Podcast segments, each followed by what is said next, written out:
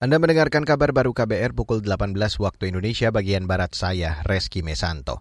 Saudara, laporan LSM Kontras mencatat ada 31 vonis hukuman mati yang dijatuhkan oleh hakim di Indonesia sepanjang Oktober 2021 sampai September 2022. Puluhan vonis itu terdiri dari 23 kasus narkoba, 4 kasus pembunuhan, dan 4 kasus pemerkosaan. Ini disampaikan aktivis Kontras Helmi Hidayat dalam peringatan Hari Anti Hukuman Mati Internasional hari ini. Nah, uh, sama seperti sebelum-sebelumnya bahwa vonis yang paling besar uh, merupakan uh, vonis dalam kasus narkoba. Nah, dalam pemantauan yang kita lakukan pada periode ini, Aceh merupakan salah satu daerah dengan penjatuhan vonis hukuman mati terbanyak dengan total 7 vonis dengan 27 terdakwa yang ada di daerah Aceh sendiri. Aktivis Kontras Helmi Hidayat menambahkan, masifnya jumlah vonis hukuman mati tidak mencerminkan posisi pemerintah dalam menyikapi isu internasional. Sebab pemerintah tidak berkaca dari berbagai negara yang telah menghapuskan hukuman mati secara internasional.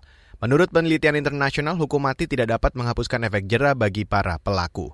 Beralih ke berita selanjutnya, Saudara, pemerintah mencatat sejumlah capaian dari penyelenggaraan Indonesia Syariah Economic Festival atau ISEF 2022. Antara lain, soal transaksi bisnis yang diperoleh dari acara tersebut yakni mencapai puluhan triliun rupiah.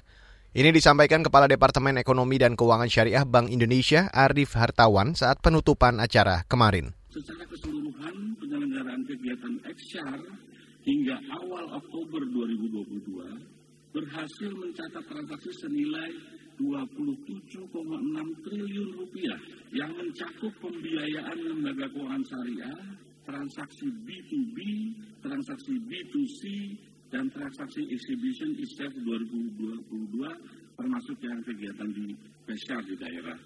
Kepala Departemen Ekonomi dan Keuangan Syariah Bank Indonesia, Arif Hartawan menyebut ada 950 pelaku usaha yang terlibat dalam Festival Ekonomi Syariah. Dia mengklaim jumlah peserta acara ini baik daring maupun luring menembus 560 ribu orang. Saudara banjir bandang menerjang desa Tasikmadu dan Prigi, Kecamatan Watulimo, Trenggalek, Jawa Timur. Akibatnya ratusan rumah penduduk terendam.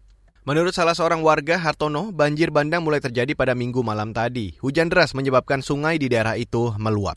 Penyebabnya karena kesumbat uh, batang pohon, terus dapur ori itu akhirnya kan air itu kan meluap ke kanan ke kiri. Ini masuk paling parah daripada yang kemarin. Kalau kemarin tuh sana nggak sampai meluap, sini yang meluap. Saudara itu tadi warga terdampak banjir bandang Hartono. Dan hingga siang ini warga masih membersihkan rumah masing-masing dari material lumpur dan sampah. Banjir di desa Tasikmadu dan Perigi tersebut merupakan yang ketiga dalam dua pekan terakhir. Dan saudara, demikian kabar baru saya Reski Mesanto.